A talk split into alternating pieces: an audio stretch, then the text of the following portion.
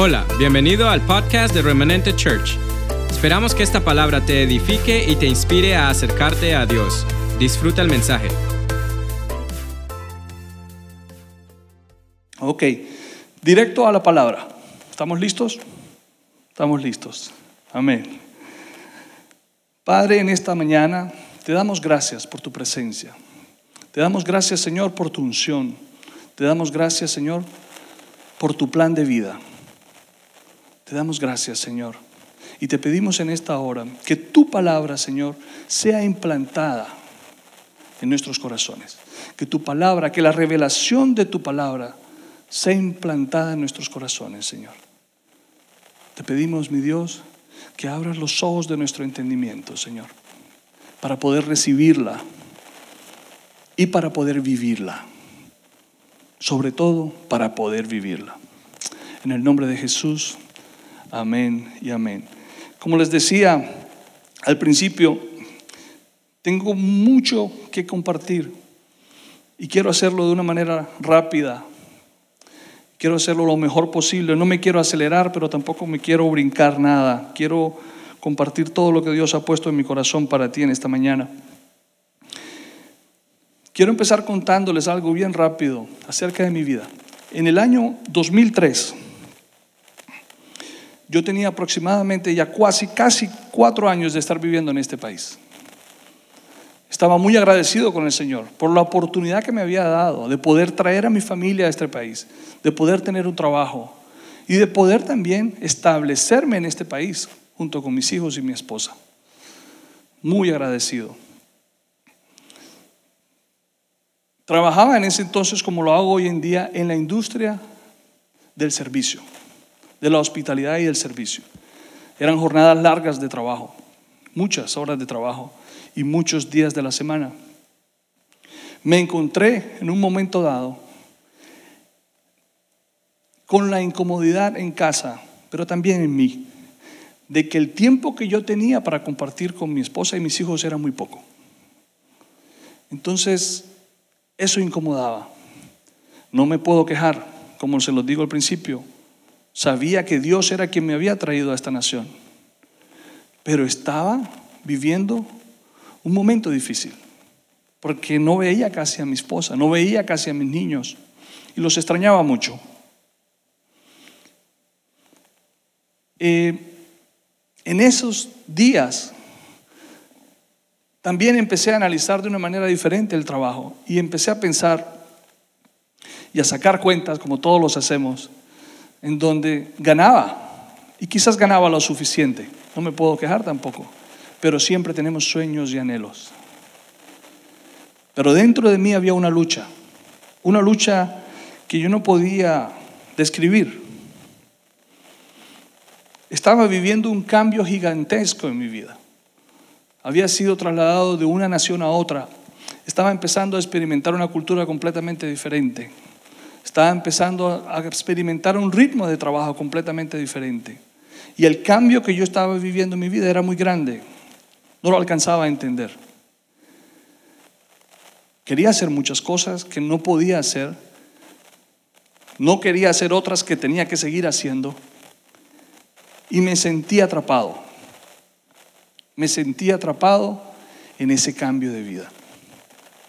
Por eso en esta mañana, el título que le hemos dado a esta palabra es Atrapados en el cambio. Quizás, quizás,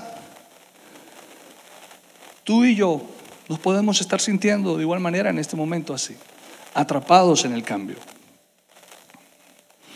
Pero quiero que tengas algo bien presente. Tu Dios, mi Dios, nuestro Padre, es un Dios de cambios y de constantes retos. Él constantemente nos está llevando a vivir cambios y constantemente nos está retando a que nos, esforcemos y seamos valientes. Proverbios 4:18 dice que la senda de los justos es como la luz de la aurora que va en aumento hasta que el día es perfecto. Eso es lo que hace Dios con tu vida y con mi vida. Cuando nosotros reconocemos a Dios en nuestra vida, cuando nosotros entendemos que es Dios quien está obrando en nuestra vida, debemos también saber que constantemente Él nos está llevando a crecer. Y por eso constantemente estamos experimentando cambios. Amén. Es importante que tengas esto presente. Quiero hablarles acerca de Pedro. ¿Quién no conoce a Pedro, verdad? El apóstol Pedro. Pedro, este hombre que conocemos todos como este hombre que decía lo que pensaba. Este hombre que no tenía problema con decir lo que se le atravesaba por la cabeza y decírselo a quien fuera necesario decírselo. Era este hombre impulsivo. Era este hombre que no le tenía miedo a la gente. Era este hombre que estaba dispuesto a enfrentar a quien fuese. Muy temperamental. De ese Pedro quiero hablar. Quiero hablarles un poco. De ese Pedro que en el capítulo 16 de Mateo, cuando Jesucristo le pregunta a los apóstoles y les dice, ¿quiénes dicen ustedes que yo soy? Él fue el primero que brincó, porque era el primero que quería hablar. Tenía un espíritu competitivo, él competía hasta con su sombra. Y el hombre brinca y dice, Señor, tú eres el Cristo, el Hijo del Dios viviente. Entonces Jesús se lo queda mirando y le dice, bien has respondido, Pedro. Y déjame decirte que esto no te lo ha revelado ni carne ni sangre, sino mi Padre que está en el cielo. Y en ese momento Él le da una promesa a Pedro, le promete algo a Pedro y después de eso empieza Él a compartir con sus discípulos el plan de vida, el plan que Él traía, su propósito sobre la tierra. Y les pide que por favor no digan que Él es Jesucristo. Porque se venía el tiempo en donde había que sufrir por parte de los ancianos, ¿verdad? Y sufrir hasta la muerte. Entonces, cuando Jesús dice eso, en ese mismo instante, Pedro brinca de nuevo. Él dijo, ¿cómo así? Jesús sufrir hasta la muerte. ¿Esto qué es? Y entonces él brinca y dice, en ninguna manera esto te acontezca, Señor. Acuérdense, lo que él tenía en su mente y lo que sentía en sus emociones, lo disparaba enseguida. Entonces él brinca y dice, en ninguna manera, Señor, que esto te acontezca. Y Jesús enseguida le responde y le dice, quítate delante de mí, Satanás, porque eres tropiezo. Pones la mirada en las cosas de los hombres y no en la de Dios. En otras palabras, lo que el Señor le está diciendo a Pedro es, hey, entiendo tu buena intención, pero está siendo de tropiezo para que se cumpla el plan de mi Padre sobre mi vida aquí en la tierra. Este hombre, Pedro, este hombre que era impulsivo para hablar, en un mismo ratico recibió la revelación del Señor, pero por causa de sus emociones no le bastó la revelación, sino que también fue, fue tropiezo. O quiso ser tropiezo sin pretendérselo al evitar que el plan de Dios se cumpliera sobre la vida de Jesús. Hay que tener cuidado con nuestras emociones. Es probable que vivamos momentos en nuestras vidas en donde recibamos la revelación que necesitamos, pero a causa de las buenas intenciones y la fuerza de las emociones dentro de nosotros, no permitamos que en nuestras vidas se cumpla el plan de Dios. Quiero que reflexionemos en eso. ¿Hasta dónde estamos nosotros dejando que nuestras emociones controlen nuestra vida? ¿Hasta dónde estamos dejando que nuestras emociones dicten nuestro caminar en el día a día? Te estoy hablando a ti, que quizás es primera vez que estás aquí con nosotros, que es primera vez que escuchas un servicio quizás cristiano, pero también te estoy hablando a ti, que eres cristiano de muchos años y que aún las emociones te ganan grandes o pequeñas batallas. Amén. Pero yo quiero hablarles ahora del Pedro del libro de los Hechos. Este Pedro del libro de los Hechos es un hombre ya vivido. Es un hombre que ya había experimentado la muerte de Jesús. Esa misma muerte que él quiso evitar, ya la había experimentado. Yo quiero que, que entendamos algo. Para nosotros hablar de esto es quizás un poco más fácil, aunque la revelación es fuerte, es quizás un poco más fácil para nosotros poder hablar de esto. Pero para ellos, para los apóstoles, ellos no sabían lo que iba a suceder. Los momentos de crisis y de cambios que ellos estaban experimentando eran impresionantes. Entonces, Pedro, en el libro de los Hechos, es un hombre que ya había vivido la muerte de Jesús, pero también había vivido la resurrección. Es un hombre que había cenado con Jesús antes de morir y ya había cenado con Jesús después de haber resucitado.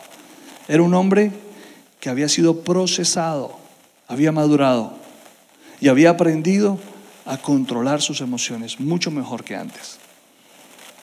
Había aprendido, había rendido sus emociones al Señor. Entonces Pedro, en el capítulo 9, en el capítulo 9 de los Hechos, 9:32, Pedro va y visita una ciudad que se llama Lida. La idea de él de ir a visitar esta ciudad es ir a visitar a los santos, a los cristianos de esta ciudad. Y él va, los visita y en esta visita Pedro se encuentra, se encuentra, óigalo bien, se encuentra con un hombre llamado Eneas. Él no iba buscando a Eneas, él iba a visitar a los santos, pero se encontró con este hombre allí.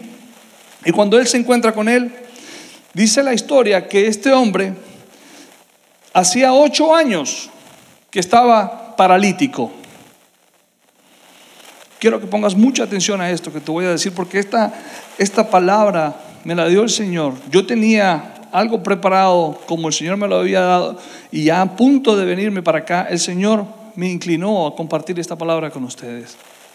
Esta palabra la necesita alguien, específicamente alguien la está necesitando. Por eso quiero llamar la atención tuya en este momento, para que pongas cuidado a esto, para que no te dejes distraer donde estás. Incluso para animarte una vez más a que compartas esto, porque también me habló el Señor que esta palabra la van a escuchar personas que no tienen la oportunidad de poder ver este servicio, esta transmisión en vivo y aún en diferido, el Señor va a obrar sobre sus vidas. Te invito a que lo hagas, te invito a que compartas. Entonces, dice la historia que este hombre tenía ocho años de estar paralítico, pero ya era un hombre. ¿Qué quiere decir? que había vivido un cambio impresionante. Era un, hombre que tenía ocho años de estar paralítico, lo que me enseña que él no nació paralítico, pero algo sucedió en su vida que lo, dejó en la condición de paralítico, de inválido. Y entonces Pedro se acerca a este hombre y le habla y le dijo, Eneas, se llamaba Eneas, Jesucristo te sana levántate y haz tu cama. Y enseguida, así, como sonaron estos dedos, enseguida se levantó. Enseguida, de inmediato se levantó. Sabes, Dios quiere sanarte en esta mañana. No importa el tiempo que tú lleves en ese estado de invalidez, en ese sentimiento de, paralítico. Quizás no solamente te quiere sanar físicamente hablando, sino que te quiere sanar emocionalmente también.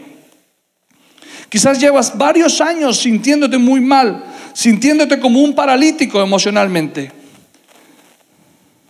Quizás caíste ahí por causa de un cambio fuerte en tu vida. Un cambio que no esperabas. Y estás atrapado en el cambio. Ya llevas tres, cuatro, cinco meses, o tres, cuatro, cinco años, no sé, ocho años, como Eneas, quizás lleva más tiempo atrapado en ese cambio que viviste. Y te sientes como un paralítico. Quizás fue un divorcio, quizás fue el cierre inesperado de tu negocio, la muerte de un ser querido. Quizás experimentaste bancarrota y no has podido levantar cabeza. Incluso puedo llegar a pensar que ya te acostumbraste a vivir así. Porque ha pasado mucho tiempo. Ocho años es bastante tiempo. y has llegado a pensar que esa es tu nueva manera de vivir.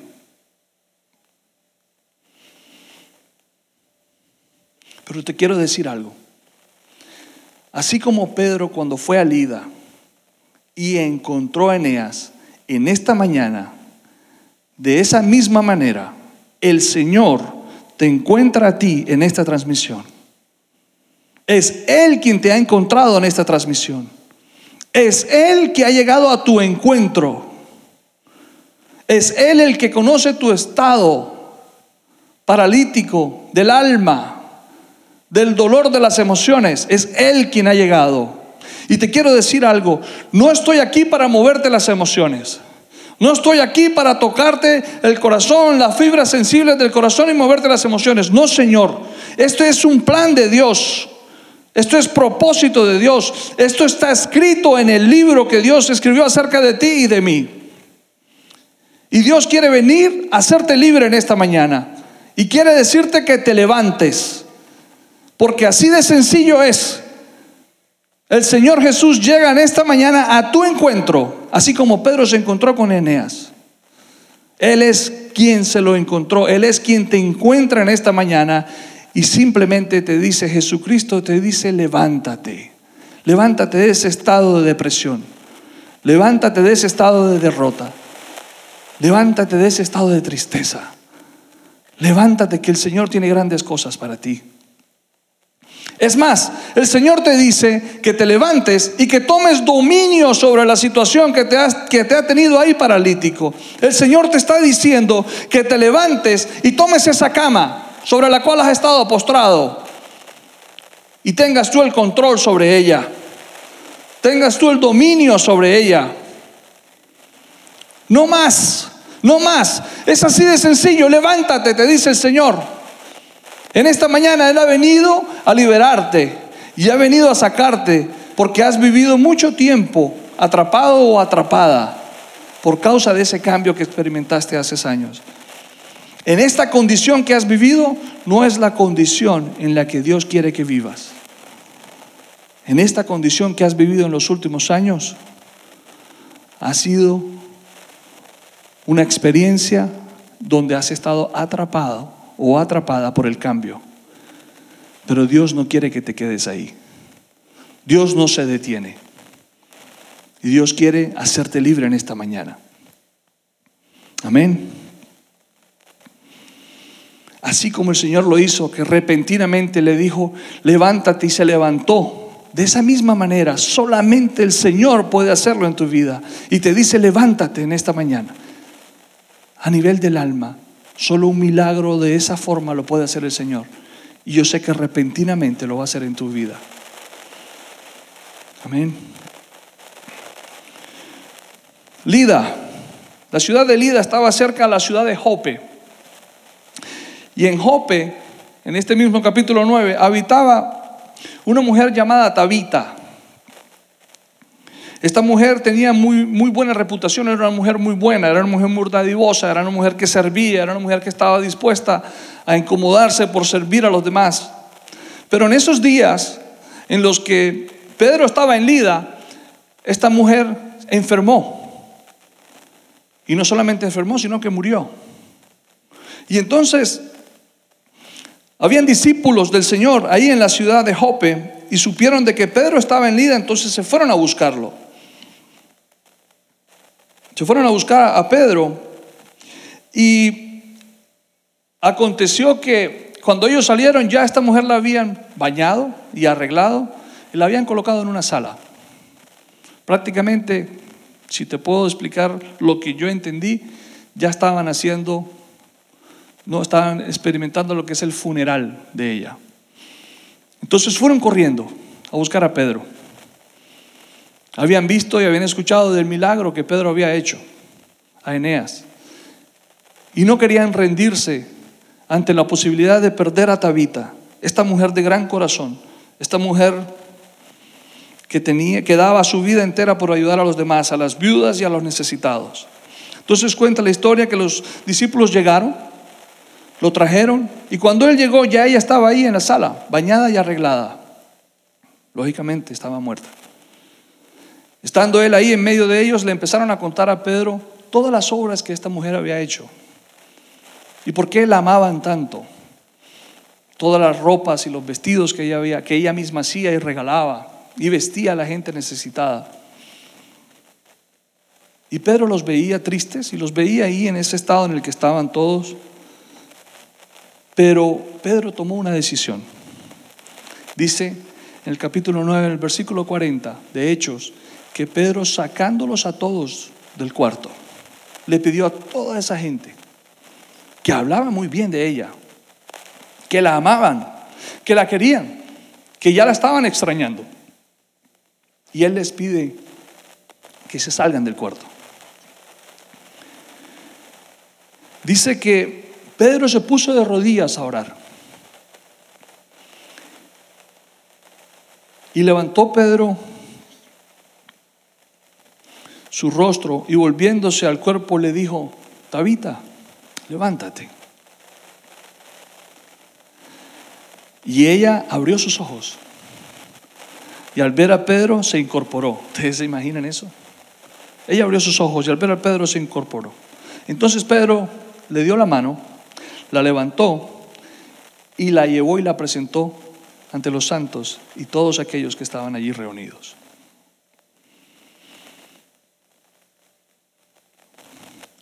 Yo quiero decirte que lo que el Señor me hablaba en este pasaje, me hablaba de sueños, de anhelos, de planes, de muchos de nosotros que quizás ya están enterrados que quizás ya murieron hace años.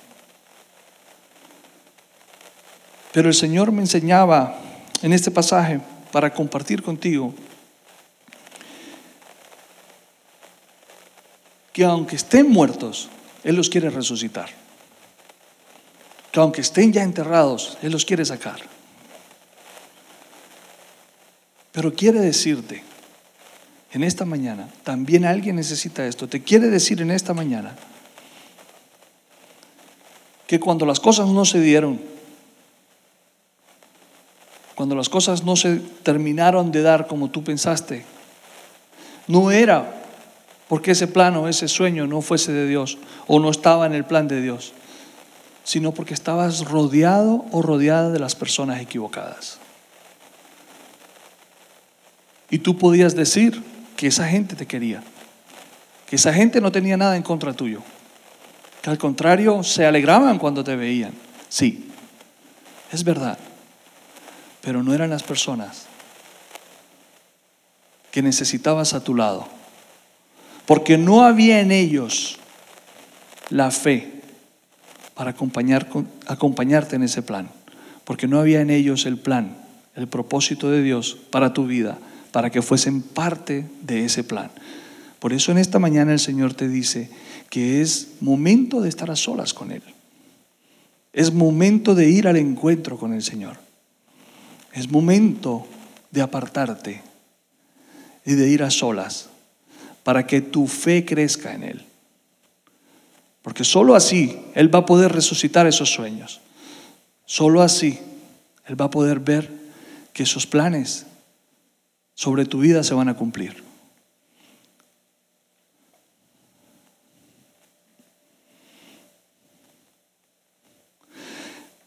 Puedes insistir en tener a todas estas personas si tú quieres, o estos pensamientos, pueden ser pensamientos también, que te estorban en la fe que requieres para resucitar. Tú puedes insistir, tú puedes tomar la decisión si quieres de hacerlo.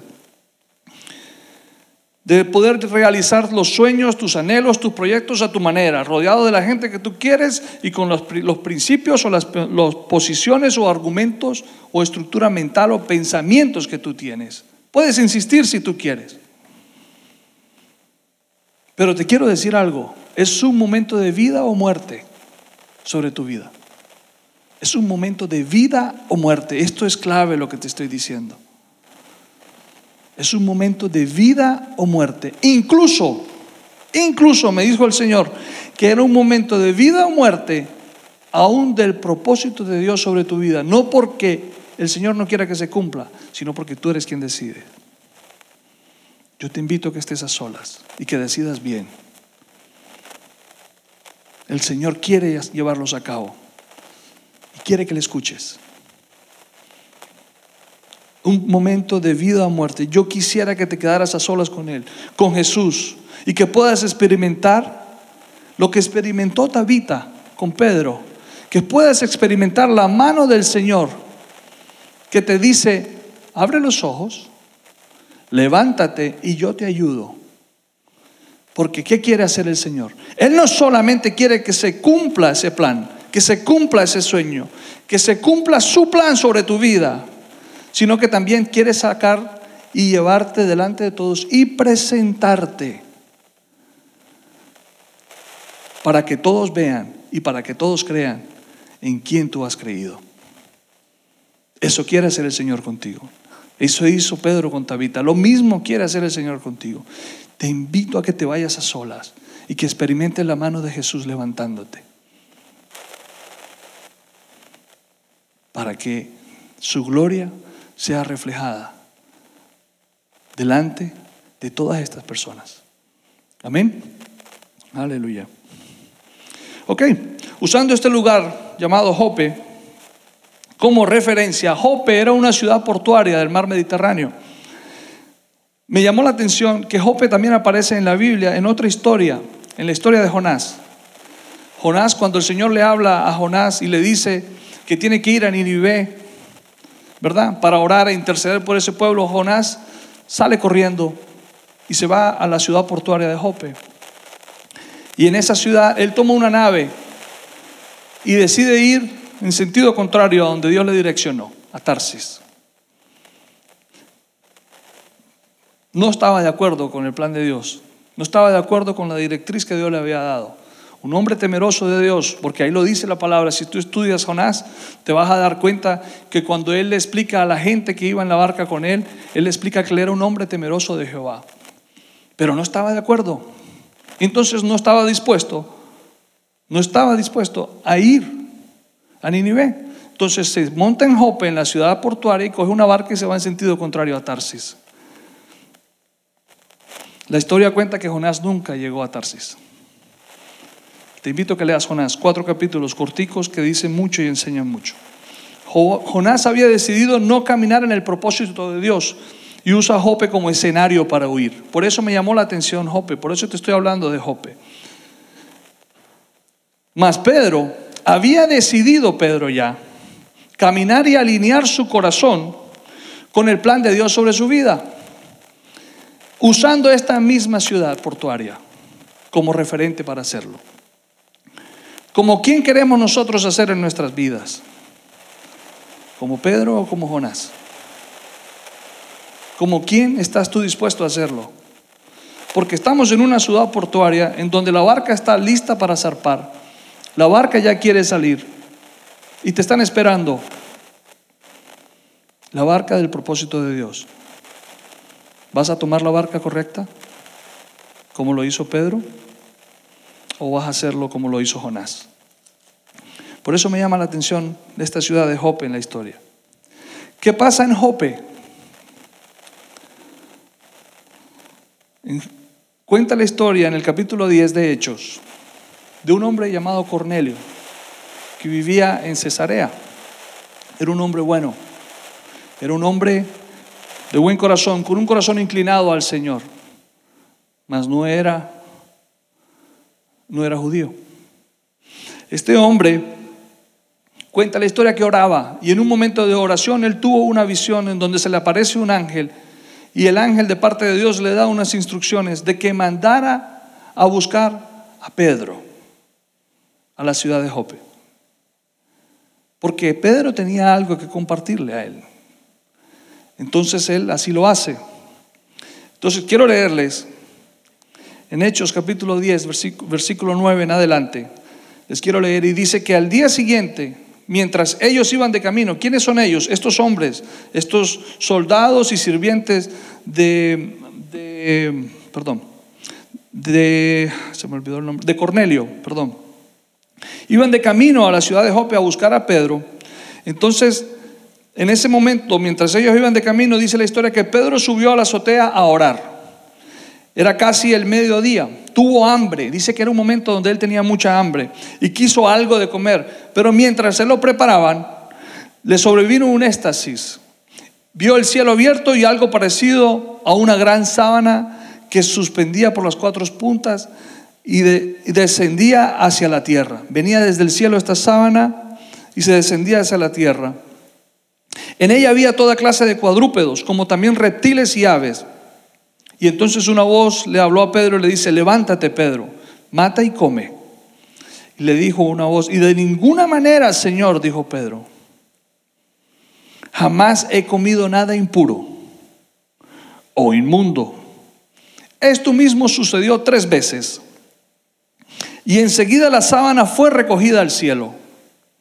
Los hombres enviados por Cornelio, Pedro, perdón, Pedro no atinaba a explicarse cuál podría ser el significado de la visión. Mientras tanto, los hombres enviados por Cornelio, que estaban preguntando por la casa de Simón, donde estaba Pedro, se presentaron a la puerta. Quiero decirte algo. Pedro recibe la revelación. Pedro recibe, ¿verdad? Esta revelación de estos animales sobre esta sábana, donde el Señor le dice que mate y que coma. Sin embargo, Pedro dice, no Señor, yo en mi vida he llevado algo inmundo en mi boca y no lo voy a hacer. Sucede tres veces hasta que el Señor recoge la sábana y se acaba la visión. Está Pedro pensando, analizando allá arriba, todavía está en su cabeza todo dándole vueltas y está diciendo qué clase de visión es esta, qué clase de revelación es esta. Él no alcanza a entender la profundidad de la, de la revelación para poder interpretarla. Ahora, ¿te ha pasado a ti? A mí me ha pasado. He vivido momentos en el Señor en donde yo no alcanzo a entender lo que está sucediendo donde yo no alcanzo a entender la revelación de lo que Él me quiere dar. Pero ¿sabes cuál es la buena noticia? Que eso no detiene al Señor. Si nuestro corazón está alineado, está inclinado, está dispuesto a hacer la obra del Señor, el Señor no se detiene. El corazón de Pedro estaba dispuesto, estaba alineado. Ya lo vimos, ya lo vimos, que él había decidido vivir el plan de Dios sobre su vida. Entonces su corazón estaba alineado. Pero cuando se le presenta esto, él no lo entiende. ¿Qué me hace decirte a ti que el Señor no se detiene a pesar de que no lo entiendas? Te lo voy a decir. Si lo lees más adelante, en este mismo capítulo 10, en el versículo 17 más exacto, la historia cuenta que Pedro aún estaba pensando en la visión y el Espíritu le interrumpió y le siguió dando instrucciones. Y le dijo, tres hombres te buscan, levántate y no dudes en ir con ellos, porque yo los he enviado. Brincamos ahora al verso 25. Al llegar Pedro a la casa de Cornelio, salió Cornelio a recibirlo, y postrándose delante de él, le rindió homenaje. Pero Pedro hizo que se levantara y le dijo, ponte de pie, que solo soy un hombre como tú. Nunca dejó Pedro que su corazón se envaneciera. Aún haciendo los milagros que estaba haciendo, mantuvo la humildad y supo tenerla clara sobre su vida para entender que era la obra del Señor a través de su vida para bendecir a los demás. Entonces él no permitió que Cornelio se tirara al piso para adorarle, para venerarlo. Y le dice, no, no, no, levántate si yo soy un hombre igual que tú. Pedro entonces entró en la casa conversando con él y encontró muchas personas reunidas. Entonces les habló Pedro y les dijo, ustedes saben muy bien que nuestra ley prohíbe que un judío se junte con un extranjero o lo visite. Pero Dios me ha hecho ver que a nadie debo llamar impuro. Permítame preguntarles, ¿para qué me hicieron venir? Cuando nosotros leemos esta historia, y la razón por la que Pedro le dice al Señor, Señor, yo no voy a comer de eso, eso es impuro, es porque la tradición de ellos, de su ley, no les permitía comer ese tipo de animales. ¿Verdad? Y Pedro por eso inmediatamente, aún el Señor dándole las instrucciones, él dice, no Señor, yo no puedo comer de esto que es impuro, porque eso les había enseñado la tradición. Pero el Señor le dice, ¿por qué llamas impuro lo que yo santifico? Pedro no entendía. Pedro pensó que se trataba acerca del bacon, que se trataba acerca de la tocineta, que se trataba quizás acerca de comer el cerdo o los reptiles, y por eso lo llamó impuro. Pero, y aún el Señor le dice, ¿por qué llamas impuro lo que yo he santificado? ¿Se imagina en la cabeza de Pedro con esa estructura mental que él traía de su tradición? Porque es que las tradiciones nos codifican mentalmente hablando y nos limitan. Y no nos damos cuenta que esa estructura está tan fuerte en nuestra mente que no nos permite recibir la profundidad de lo que Dios nos quiere enseñar. Pero cuando Pedro llega a la casa de Cornelio, se da cuenta que era necesario llegar, porque el Señor le había mostrado que lo que él santificaba no teníamos por qué llamarlo impuro. De hecho, cuando los hombres llegan a la casa de, Simón, donde estaba Pedro hospedado, Pedro baja y les dice qué quieren. Y entonces estos hombres le explican a Pedro que su jefe, Cornelio, había tenido una visión de un ángel que le había dado las instrucciones de venir a buscarlo a él. Entendió Pedro que Dios quería que él fuese. Por eso él vino. Y ahí se los dice. Vine, por eso cuando mandaron por mí, vine sin poner ninguna objeción. Ahora, permítame preguntarles, ¿para qué me hicieron venir? Cornelio vuelve y le explica de la misma manera como lo hicieron sus sirvientes, empleados, como lo querramos llamar, su visión y la razón por la cual lo mandó a buscar. Fue una dirección que Dios le dio. Pedro tomó la palabra y dijo, ahora comprendo que en realidad para Dios no hay favoritismos sino que en toda nación Él ve con agrado a los que le temen y actúan con justicia. Allí Pedro comprendió. Allí en ese instante Pedro recibió la revelación de lo que Dios quería enseñarle, de lo que Dios le quería enseñar en esa azotea. Pero lo que me sorprende es que aunque él dejó que sus emociones que su estructura de pensamiento gobernara sus emociones y se opusiera a la directriz que Dios le estaba dando de que matase y comiese, el Señor no se rindió con él. Pero la única razón por la que yo veo que el Señor no se rinde es porque ve que Pedro quiere. Lo que pasa es que no lo entiende. Lo que pasa es que no lo puede recibir. ¿Te está pasando lo mismo a ti? ¿Te ha pasado lo mismo a ti? ¿Será que no hemos entendido lo que el Señor nos quiere enseñar? Por esas viejas estructuras de pensamiento en nuestras vidas, por la tradición, por la cultura. ¿Será que nos está pasando lo mismo? Y si así es, yo te animo a que hables tú directamente con el Señor, a solas y que tú mismo le pidas al Señor que tu corazón sea alineado con el plan que Él tiene sobre tu vida. De esa manera el Señor no se va a detener. Dice Proverbios 4:18 que la senda del justo, el justo es aquel que tiene un corazón inclinado a Dios, el camino del justo, los días del justo, la vida del justo, eso significa senda irá de aumento en aumento como la aurora hasta que el día es perfecto, porque la buena obra que el Señor comenzó en ti, Él la va a terminar. Él no ha terminado aún. Por eso estamos viviendo los cambios que estamos viviendo. No importa que no entendamos, no importa que el Señor ya nos haya hablado y nos haya dado la revelación, no importa que no la alcancemos a abrazar, pero si nuestro corazón sigue allí, cerquita, inclinado, dispuesto, queriendo escuchar, si nuestro corazón sigue ahí, el Señor no se va a detener y seguirá dándote las instrucciones y llevará a cabo su plan sobre tu vida.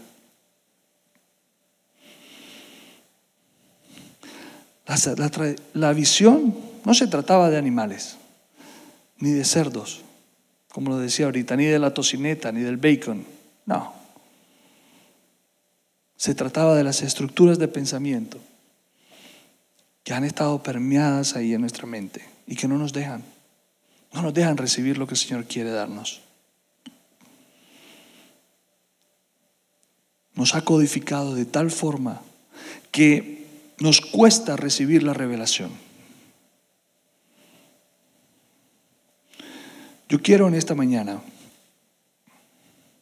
orar por ti y ministrarte en esta mañana. Vamos a cerrar el servicio. Vamos a orar por tu vida. Queremos ministrar tu vida en esta mañana. Y queremos orar para que el Señor rompa toda estructura de pensamiento que nos ha robado hasta el día de hoy. Que nos ha robado su plan. Queremos ministrar tu vida de tal manera que tú puedas decir que el plan de Dios ha resucitado sobre tu vida. Que tú puedas decir que el plan del Señor está vigente, no solamente sobre tu vida, sino sobre la vida de los tuyos. Dice la palabra en Romanos 12.2, todos conocen este verso, quizás lo han escuchado muchas veces. Dice, no os conforméis a este mundo, sino transformaos por medio de la renovación de vuestro entendimiento. Es tan profundo eso. Pero desafortunadamente lo hemos repetido tantas veces que se ha vuelto quizás un cliché. Pero si te detienes a leer con calma cada palabra que el Señor está compartiendo con nosotros en esta mañana, entonces vas a recibir vida. Dice, sino transformaos por medio de la renovación de vuestro entendimiento, para que comprobéis, como lo hizo Pedro, Pedro pudo comprobarlo, cuál es la buena voluntad de Dios, agradable y perfecta. La buena voluntad de Dios, o sea que la voluntad de Dios siempre es buena. La voluntad de Dios siempre va a ser buena. Pero no solamente va a ser buena, sino que es agradable y que es perfecta.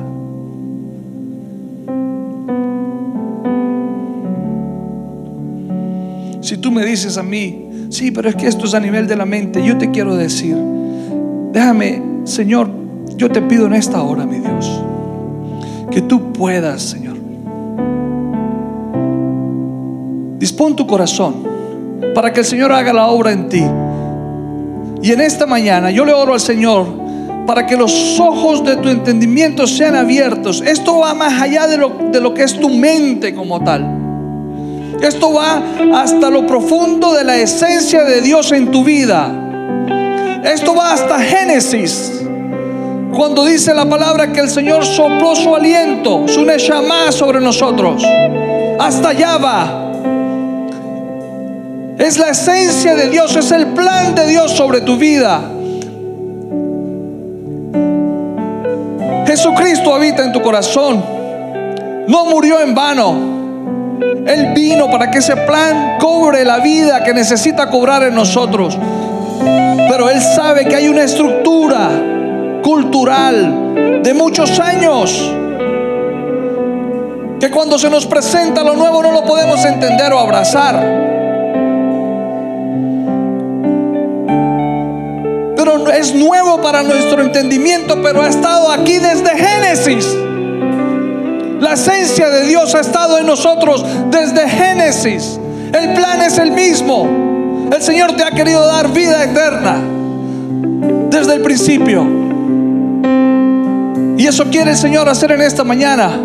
Quiere recobrar tu vida, quiere recobrar tu plan, quiere recobrar su plan sobre tu vida. Va más allá del entendimiento y de la mente y del poder de la mente. No, no, no, no, no. Mira lo que dice Efesios 4:23. Dice, renovaos en el espíritu de vuestra mente. En el espíritu de, nuestra, de vuestra mente. En el espíritu que está aquí. que es parte de nosotros, que es nuestra estructura principal, Señor Jesús en nuestra vida. Esperamos que este mensaje haya sido de bendición. No te olvides de suscribirte a nuestro podcast y seguirnos en Facebook e Instagram arroba remanente.